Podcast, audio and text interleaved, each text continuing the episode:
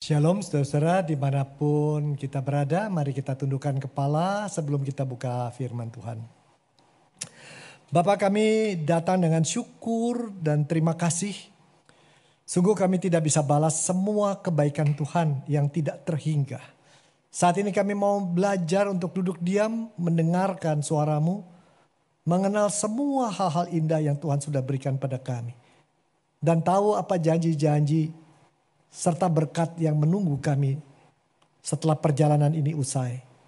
Bicaralah pada kami, jamah hati kami, berikan ketenangan, berikan pada kami kelegaan untuk duduk diam. Hanya mendengar suaramu, menikmati kehadiranmu. Dan kami diubahkan sesuai yang kau inginkan. Terutama dalam minggu Advent ketiga, dalam persiapan kami menyembah engkau di palungan. Biarlah kami memberikan yang terbaik bagi Tuhan kami mohon nih karena Kristus Yesus Juru Selamat kami. Amin. Firman Tuhan hari ini akan diambil dari Mazmur 126. Mazmur 126. Ayat 1 sampai ayat yang ke-6. Nyanyian siarah. Ketika Tuhan memulihkan keadaan Sion, keadaan kita seperti orang-orang yang bermimpi. Pada waktu itu mulut kita penuh dengan tertawa dan lidah kita dengan sorak-sorai. Pada waktu itu berkatalah orang di antara bangsa-bangsa, Tuhan telah melakukan perkara besar pada orang-orang ini. Tuhan telah melakukan perkara besar pada kita. Mari kita bersuka cita. Pulihkanlah keadaan kami ya Tuhan. Seperti memulihkan batang air kering di tanah Negeb. Orang-orang yang menabur dengan mencucurkan air mata akan menuai dengan bersorak-sorai. Orang yang berjalan maju dengan menangis sambil menabur benih pasti pulang dengan sorak-sorai sambil membawa berkas-berkasnya.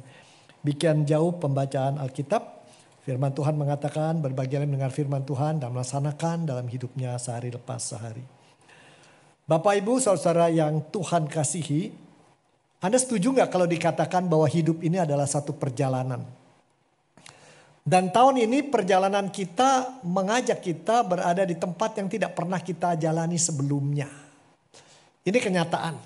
Siapa yang terpikir di bulan Maret bahwa ke mana-mana kita kayak ninja harus pakai beginian.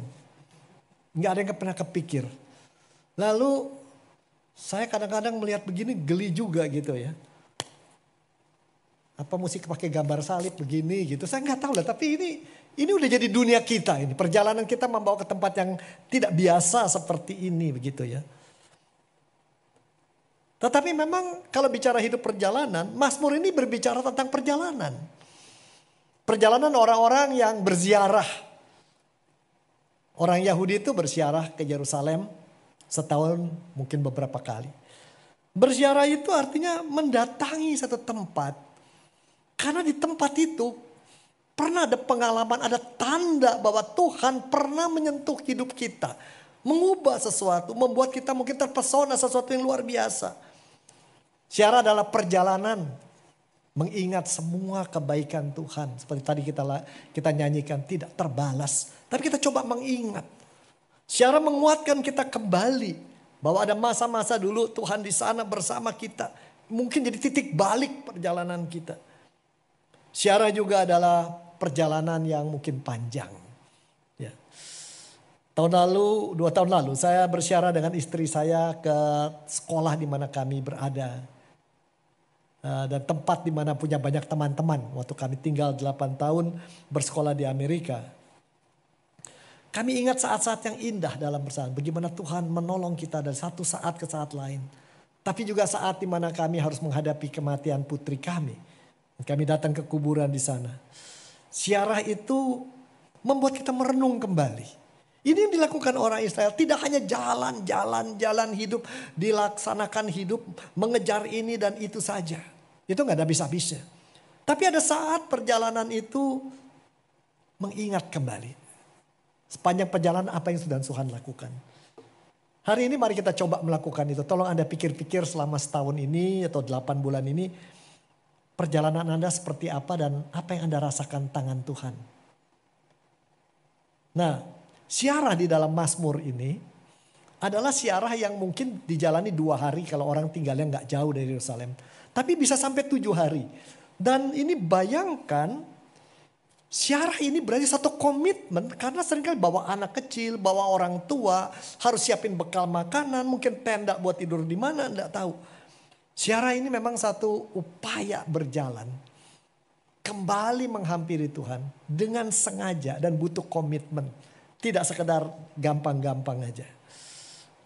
Mungkin ada debu, ada kerikil, mungkin juga ada duri, dan sebagainya. Tetapi yang paling menarik adalah dikatakan di awal masuk ini nyanyian siarah. Artinya mereka menjalani perjalanan seperti itu tidak hanya dengan aduh kok capek bener ya masih kapan sampainya. Aduh ini anak kok rewel amat.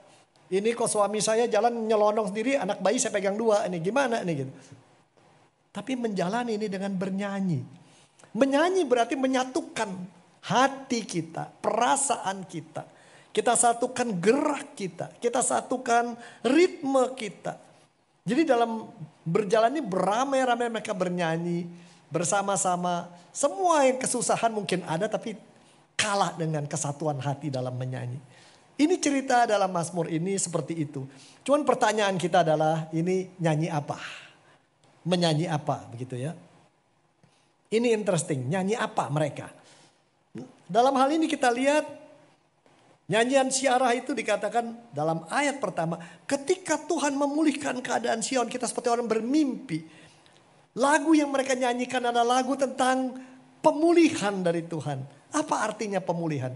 Saudara pemulihan itu kan berarti ada satu yang sakit, satu yang rusak, satu yang tidak beres. Berarti ketika menyanyikan pemulihan orang Israel menyadari dengan imannya bahwa di dalam hidup itu memang ada keadaan yang membuat kita punya masalah, kita jatuh, kita remuk, kita ragu, kita bingung, kita sedih. Dan terpukul bahkan mungkin kita hampir putus asa. Lebih repot lagi merasa tersisih. Apalagi orang Asia kalau ada punya kesusahan gak mau cerita sama orang disimpan sendiri. Di dalam siara ini dengan menyanyikan itu akan mereka katakan, kami akui di dalam hidup memang ada keadaan seperti itu. Biarpun kita anak Tuhan, bisa Tuhan berikan pada kita perjalanan yang tidak enak. Betul nggak? Mungkin dan dengar saat ini ada yang sedang tidak enak. Saya sembah Tuhan, saya doa, saya cari firmannya, saya berbagi. Kok saya harus mengalami begini ya Tuhan?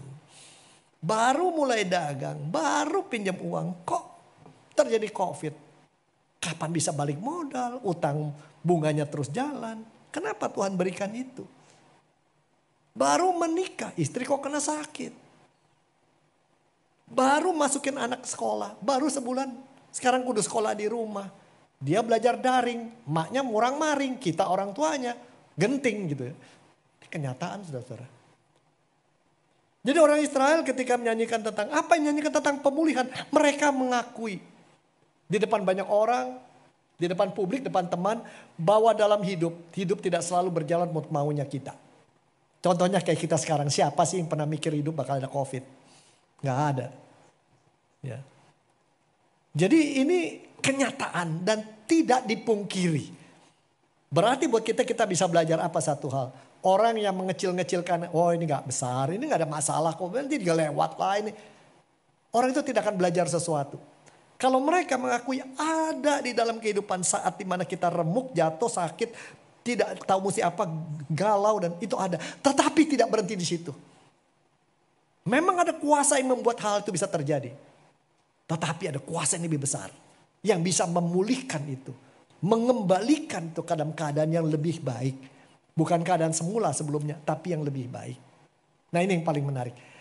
Ada kuasa Tuhan yang bisa memberikan satu keadaan lebih baik di depan. Saudara ini yang paling menarik. Nyanyian mereka tentang itu. Mereka akui. Sekali lagi mengakui. Hidup tidak berjalan selalu enak Apalagi kita orang percaya, kadang-kadang kita akan harap gitu ya, saya percaya Tuhan, saya menyembah dia, saya menyerahkan diri, saya kenapa saya mesti ngalamin begini? Tapi orang Israel tidak begitu. Benar, saya menyerahkan diri, saya anak Tuhan, saya pilihan dia, saya dijaga. Tetapi tidak tertutup kemungkinan Tuhan membiarkan kita, mengizinkan kita menjalani lembah yang kelam. Tempat yang sepi, yang gersang, gurun yang penuh dengan angin yang penuh dengan debu. Tapi toh kita tidak sendiri. Apa yang tidak kita inginkan memang. Tapi kesulitan itu Tuhan akan bisa pulihkan. Kembalikan keadaan-keadaan di mana cinta kasihnya, perhatiannya, perlindungannya lebih terasa dan berkatnya. Bahkan mungkin Anda bisa katakan, mungkin enggak kesusahan, ketidakpastian apa yang terjadi ini Tuhan berikan karena Tuhan sedang menyiapkan berkat yang lebih besar di depan. Kalau kita tidak mengalami ini, kita tidak siap menerima berkat lebih besar. Seorang mengatakan saya kepada saya hal itu dan saya katakan matamu tajam. Aku rasa itu benar. Jadi sekali lagi Lagu ini yang dinyanyikan oleh Israel tentang pemulihan. Benar ada kesusahan, benar kadang-kadang kami mau down, kadang-kadang kami nyerah. Tetapi kami tidak berhentikan ada kuasa Tuhan lebih besar. Dan Tuhan sudah bisa memulihkan itu. Jadi para persiarah orang yang berjalan ini bukan sekedar jalan saudara. Jalan sekarang menyampaikan pengakuan iman. Kami tidak akan dikalahkan dengan kesusahan. Karena ada kuasa yang lebih besar yang bisa itu kan. Karena Tuhan tidak mau dikalahkan oleh realitas yang pahit dan tidak tidak sukai. Nah itu yang pertama lagu itu tentang itu. Allah pemulih, Allah pemulih. Jadi saudara kalau saat ini ada di antara Anda yang sedang galau, sedih, terpukul. Ingatlah yang dikatakan Mazmur. Anda tidak sendiri, ada Allah yang akan memulihkanmu. Dan dulu juga pernah. Tapi yang paling menarik buat saya catatan dikatakan orang lain mengatakan orang-orang ini dipulihkan. Berarti orang lain melihat Sarangkali kita anak-anak Tuhan tidak menyadari apa yang Tuhan berikan pada kita. Orang lain yang lihat. Mestinya nggak begitu dong. Kita yang paling merasakan kuasa kasih keajaiban Tuhan. Kita hidup kita kentara beda dengan orang lain. Sehingga mereka mengatakan memang anak-anak Tuhan itu beda. Gitu. Ya. Itu yang pertama lagu itu tentang pemulihan. Lagu ini juga bicara tentang apa? Allah melakukan perkara yang besar. Dua kali dikatakan. Orang-orang mengatakan mereka mendapatkan perkara yang besar. Allah telah melakukan perkara yang besar pada orang ini. Telah. Jadi di masa lalu orang sudah lihat Allah memberikan perkara-perkara yang besar. Artinya apa? Di dalam hidup ada banyak macam-macam perkara. Perkara yang kecil, perkara yang receh, perkara yang biasa. Nah, tetapi di tengah ini Tuhan melakukan perkara yang besar. Seperti tahun ini Tuhan mendisrupsi perjalanan hidup kita yang biasa. Mendadak nggak bisa ke mall sembarangan. Nggak bisa makan di saukau seperti dulu tiap malam gitu ya. Nggak bisa pergi olahraga. Banyak hal yang kita nggak bisa dihentikan oleh Tuhan. Mungkinkah Tuhan menghentikan kesombongan manusia? Ini yang sedih kan. Tetapi Tuhan tidak hanya menghentikan. Dalam perkara yang besar Tuhan menyiapkan kita untuk berkat-berkat yang lebih besar barangkali. Saya tidak tahu ya, mengakui ada perkara besar berarti mengakui juga ada perkara yang sudah terjadi yang menyenangkan dan tidak menyenangkan. Tetapi di balik semua itu dia tetap kuasai dan dia siapkan yang baik. Jadi buat kita pertanyaannya apakah Anda yakin apa pun yang terjadi pada diri Anda saat ini. Entah putus pacaran atau baru dapat pacar, entah bisnisnya lagi sulit atau malah dapat peluang besar. Semua ini bukan kebetulan. Bukan karena pintar kita saja. Karena ada rencana Tuhan yang besar. Dan ini kita mesti baca supaya kita hidup di dalamnya. Bahwa kadang-kadang memang sekali tidak enak ya, betul. Tetapi justru melalui hal itu ada satu indah. Berapa hari lalu saya terbangun jam 5 pagi dalam keadaan lapar. Padahal sudah makan kenyang ya. Yang ada cuma kacang hijau, maka setengah ngantuk saya panaskan kacang hijau. Saya maju ke meja makan, situ ada biasanya saya taruh gula. Tanpa lihat lagi saya ambil dua sendok saya isi. Begitu saya makan tuh kacang hijau, saya bingung kok begini rasanya. Ternyata yang saya tuangkan dua sendok garam asin saudara-saudara. Pengen marah sama anak ini sih kenapa gue punya gula dipindahin taruh garam di sini? Tapi yang salah kan gobloknya kita sendiri kenapa nggak lihat? Tempat gula segede gini tempat garam segini. Tapi kemudian ketika makan daripada dibuang tuh kacang hijau banyak orang lagi susah udah dihabiskan lah. Semangkok besar kacang hijau rasa garam seumur umur baru kali ini makan. Rasanya sebel gitu ya. Tapi kalau nggak dimakan dibuang gimana? Tetapi Baru saya sadari ternyata garam itu menolong tubuh saya yang rasanya kekurangan garam. Ini menarik sekali. Saya ketawa di situ ya. Saya ketawa di situ baru saya baru pikir iya ya. Dalam hidup barangkali begini ya. Kita kadang-kadang harus mengalami apa yang kita tidak mau dan itu menyadari apa yang kita kurang. Nah seperti itulah. Itu nyanyian kedua itu Tuhan melakukan perkara yang besar. Kita ada lagu-lagu itu. Jadi saya harapkan hari ini dinyanyikan ya Tuhan melakukan perkara yang besar begitu ya. Artinya banyak perkara di dunia, tapi seperti apa pun, seperti arena besar tetap di dalam tangan Tuhan. Tapi yang ketiga lagu itu bicara hal lain lagi. Karena Tuhan sudah pulihkan, karena Tuhan punya melakukan hal yang besar. Mari kita bersuka cita. Jadi orang Israel ini berjalan tidak mikirkan hanya aduh ini kok jalanan panas bener ya. Ini kok anak travel bener banyak kerikil itu ada debu. Masih jauh bener Yerusalem. Tapi mereka pikir Tuhan kita memulihkan di masa lalu. Tuhan melakukan perkara yang besar di masa lalu. Tuhan juga sekarang ada. Mari karena itu kita jangan hanya mengingat-ingat apa yang kita tahu. Kita tidak hanya mengatakan amin dia maha besar masa tidak hanya mengerti doktrinanya tetapi itu harus ada dampaknya pada saat ini. Pada saat ini saya punya pilihan untuk mengeluh. Pada saat ini saya punya pilihan untuk mengatakan masa bodoh pokoknya saya jalani sendiri. Atau pada saat ini saya punya pilihan yang ketiga. Kalau dulu dia menjaga saya.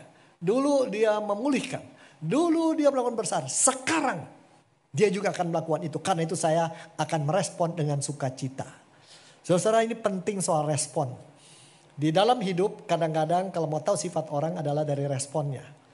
Kalau saat ini di meja Anda mendadak ada uang satu miliar dengan tulisan Selamat Hari Natal. Ya yang bagi punya 100 miliar mungkin ketawa aja ya. Tapi yang nggak punya satu miliar. Gimana respon Anda? Ada yang mengatakan yes. Gua beli Samsung S20. Atau yang mengatakan ini dia. Akan saya beli ini. Atau kata ini dari mana ya? Punya siapa? Ini salah alamat atau gimana? Tergantung respon. Tapi bagaimana kalau ada kesusahan? Teman dekat Anda katakan punya pacar dinyatakan karena COVID-19. Gimana respon kita? Bisa ada, lu goblok sih kemarin udah gua bilangin kalau ke mana-mana jangan keluyuran dulu. Makan di luar dulu. Begitu muka dibuka kan bisa masuk udara dari orang sakit. Bisa begitu. Bisa juga mengatakan, waduh sorry kita nggak ketemu dulu deh ya. Daripada nulang ke mana-mana, mama saya udah tua soalnya. Atau Anda berdoa malah memperhatikan dia. Saudara dalam hidup bisa ada masalah, bisa ada kenyataan yang menyenangkan, tapi yang lebih repot ada respon kita. Kalau ada kesusahan memang itu kesusahan, tapi respon kita terhadap kesusahan seperti apa? Itu bisa nambahin masalah.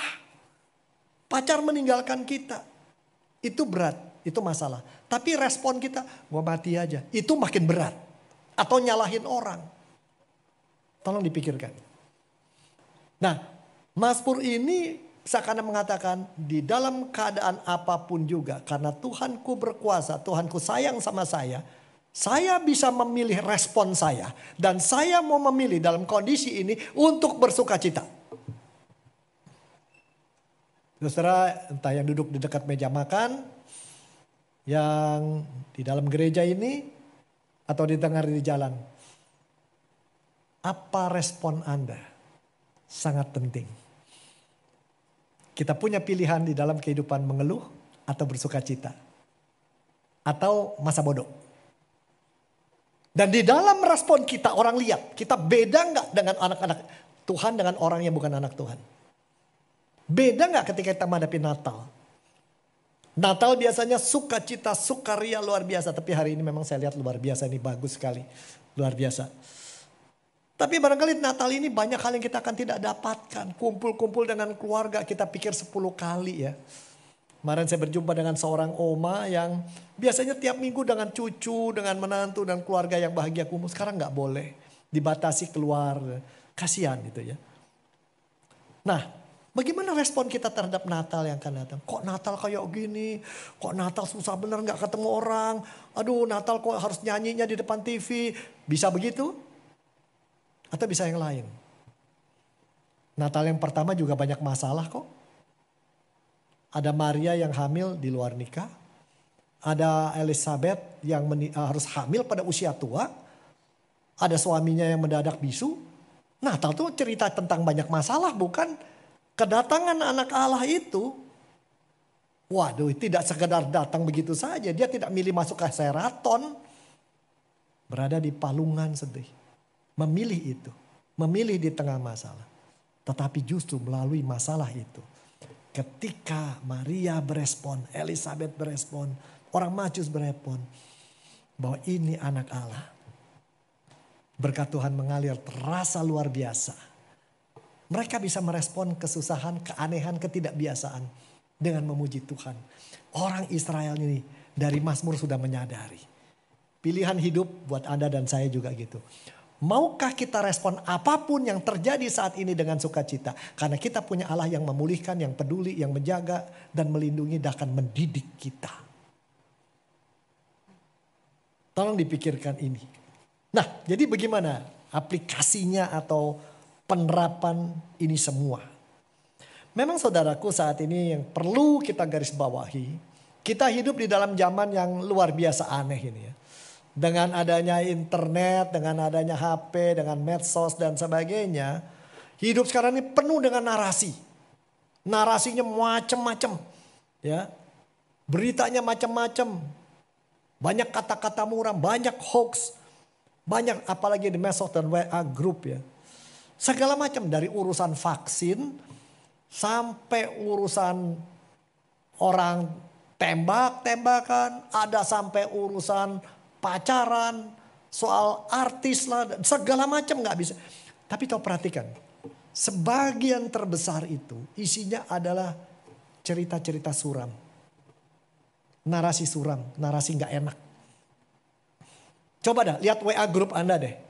Dari sekian banyak WA grup, berapa yang membuat hati kita puji Tuhan. Minggu ini saya beruntung dapat dua cerita di WA yang bikin saya keluar air mata. Sebagian terbesar bikin kita sebel, membuat kita bingung atau nanya ini benar apa enggak. Ya? Segala macam saudara. Inilah rohnya dunia sekarang. Ngomong asal ngomong aja semua, ngelemparin sampah. Ya, ngejelekin sana, ngejelekin sana, senang dengan gosip, senang dengan hal yang buruk.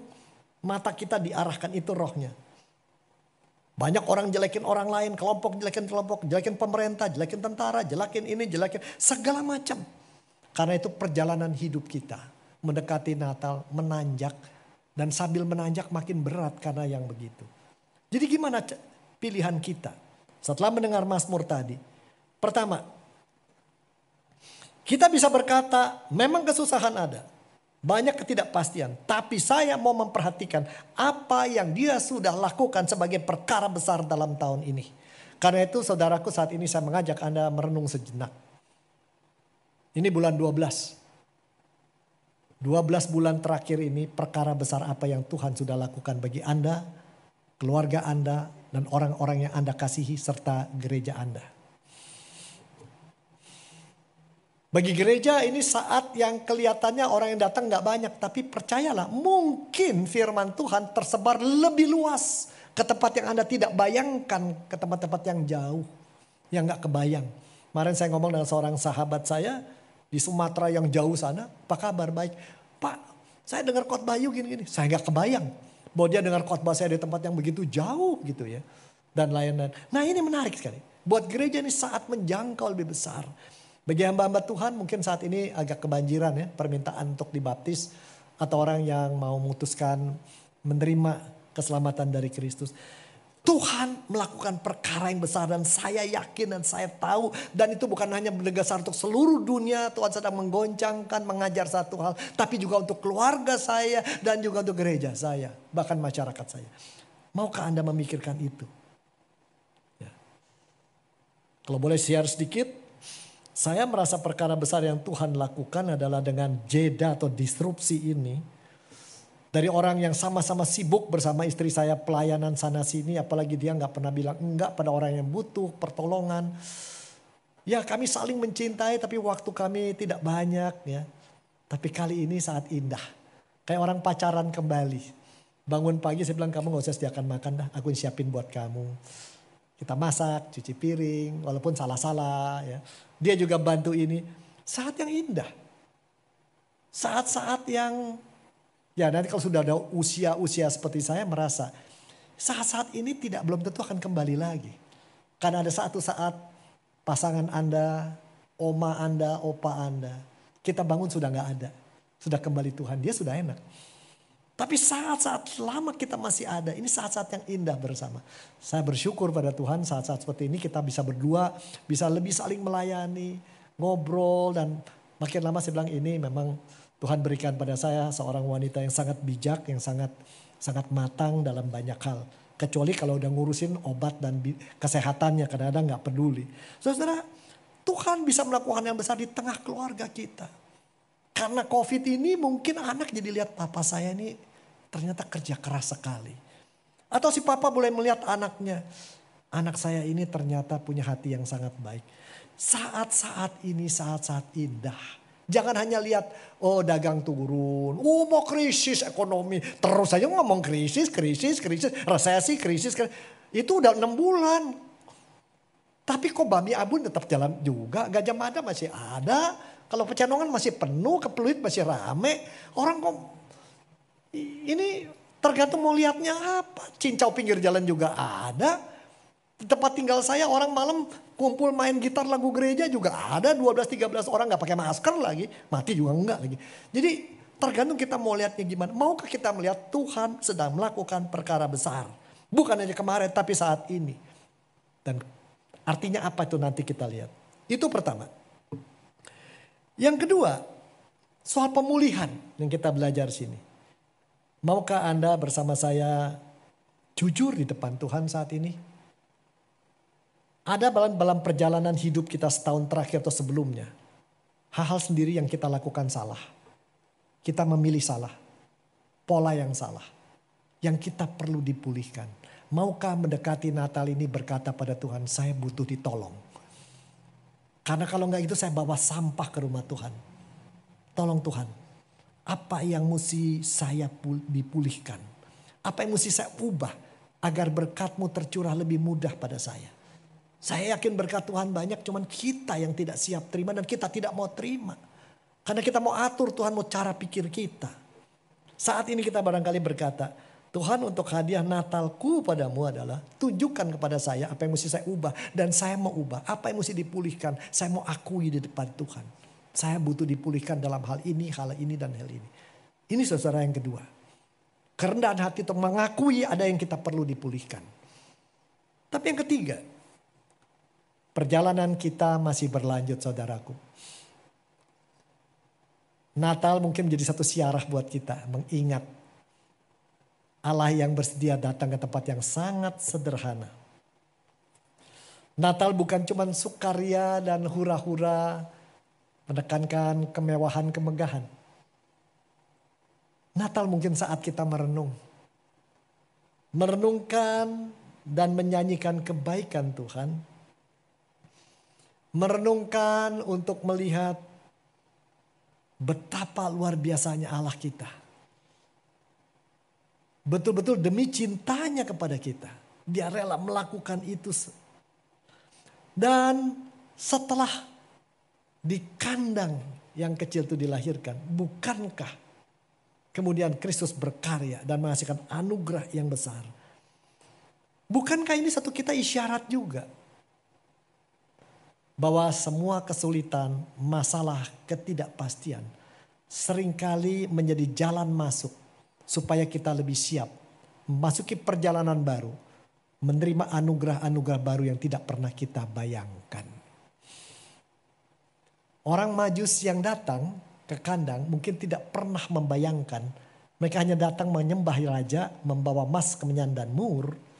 Mereka tidak pernah bayangkan bahwa setelah itu mereka pulang dan ber, ubah sepenuhnya, mengalami titik balik. Kalau Anda lihat di gereja-gereja timur, banyak cerita tentang mereka, bagaimana setelah itu hidup mereka. Mereka selalu bicara tentang bayi yang dilahirkan itu, anak Allah. Saudaraku, karena itu Natal ini, walaupun kita menjalani secara tidak biasa, maukah Anda mengatakan pada diri Anda, saya mau terima berkat Tuhan yang baru. Melalui masa pandemi ini saya tahu ada berkat baru. Saya mau disiapkan, saya mau menunggu. Dan saya mau mulai saat ini dengan bersuka cita. Karena Tuhanku baik. Lalu kalau Anda katakan, Pak bagaimana kalau orang yang sudah dipanggil, orang yang kita cintai dipanggil oleh Tuhan. Kita akan kehilangan, betul. Saya kehilangan banyak teman, sempat menangis, beberapa sahabat dekat. Tetapi kalau dipikir-pikir sekarang mereka bersama Tuhan, mungkin sedang tersenyum di sana, mereka lebih happy dari kita. Mereka sangat menikmati keadaan itu. Mereka mendapatkan yang terbaik, kita belum. Saudara, jadi ini kita juga lihat Jangan hanya dari sudut diri kita yang kehilangan. Lihat dari mereka. Mereka sudah mencapai apa yang terindah. Saudaraku, jadi sekali lagi perjalanan kita masih harus kita tempuh. Mungkin masih panjang. Tapi biarlah kita katakan Tuhanku yang pernah memulihkan. Yang sedang melakukan perkara besar. Kemarin dan sekarang. Di depan Tuhanku juga akan tetap memegang tanganku dan aku tidak pernah melangkah sendiri bersama yang kucintai. Pujilah Tuhan kita, bersyukurlah untuk dia. Kita tidak tahu seperti tadi lagu katakan bagaimana membalas kebaikannya. Kecuali dengan syukur dan menjadi penyembah sejati. Tuhan berkati Anda. Amin. Mari kita bersama-sama berdoa.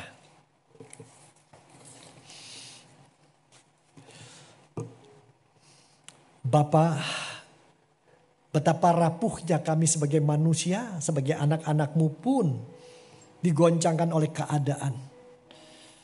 Ketika apa yang kami inginkan, ketika yang jadi idam-idaman kami tidak tercapai. Bahkan apa yang kami miliki hilang atau pupus. Hasil kerja lama mulai ter, terasa terbuang.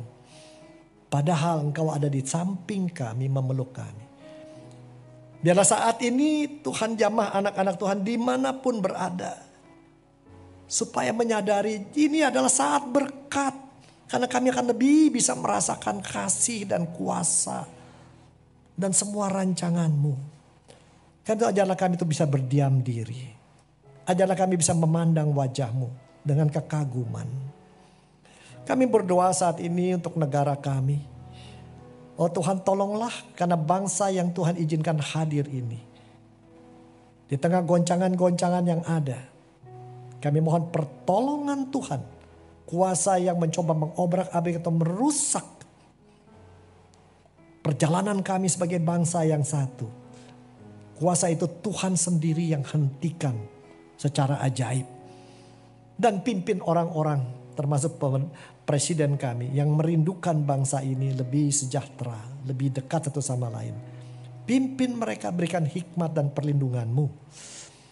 Kami mau berdoa juga untuk seluruh dunia. Di tengah pandemi ini semakin banyak orang-orang yang susah. Kesenjangan antara yang makmur dengan yang susah semakin besar. Tolong kami Tuhan di tengah kesusahan kami. Tidak hanya memikir diri kami tapi juga memikirkan orang yang lebih susah dari kami. Dan tolong agar kami gerejamu mendapat kejelasan apa yang kami lakukan dalam hal itu. Kami mau berdoa bagi keluarga-keluarga yang mengalami friksi, ketidakbahagiaan, rasa marah, kecewa, ke keterkejutan. Biarlah saat ini menjadi saat belajar, mengharapkan tangan Tuhan menyentuh kami. Dan tolonglah hamba-hamba Tuhan di tempat ini dengan keluarganya, Tolonglah agar dalam pelayanan mereka melihat ini kesempatan yang indah dari Tuhan. Mereka sangat diperlukan kata-kata mereka, sapaan mereka. Kami ingat juga para dokter, juru rawat, orang-orang yang terus-menerus berada di tengah masyarakat dan mungkin terpapar. Kami ingat seorang sahabat kami, seorang hamba Tuhan yang terkena COVID saat ini. Tuhan kasihani dia, berikan dia pemulihan kami juga mau berdoa bagi anak-anak yang bingung dengan sekolah tanpa jumpa teman. Berikan kami orang tua agar punya hikmat, tahu mesti berbuat apa di sana. Kami harus belajar kembali. Dan akhirnya Bapak, biarlah apa yang tidak bisa kami ungkapkan dalam kata-kata Bapak dengar. Dan ajarlah kami untuk berubah menjadi orang-orang yang terus memuji Tuhan, bersuka cita. Orang-orang yang terus mengharapkan pemulihan Tuhan. Dan orang-orang yang disiapkan Tuhan menerima-menerima berkat-berkat besar yang menunggu kami. Dalam nama Tuhan Yesus kami berdoa. Amin.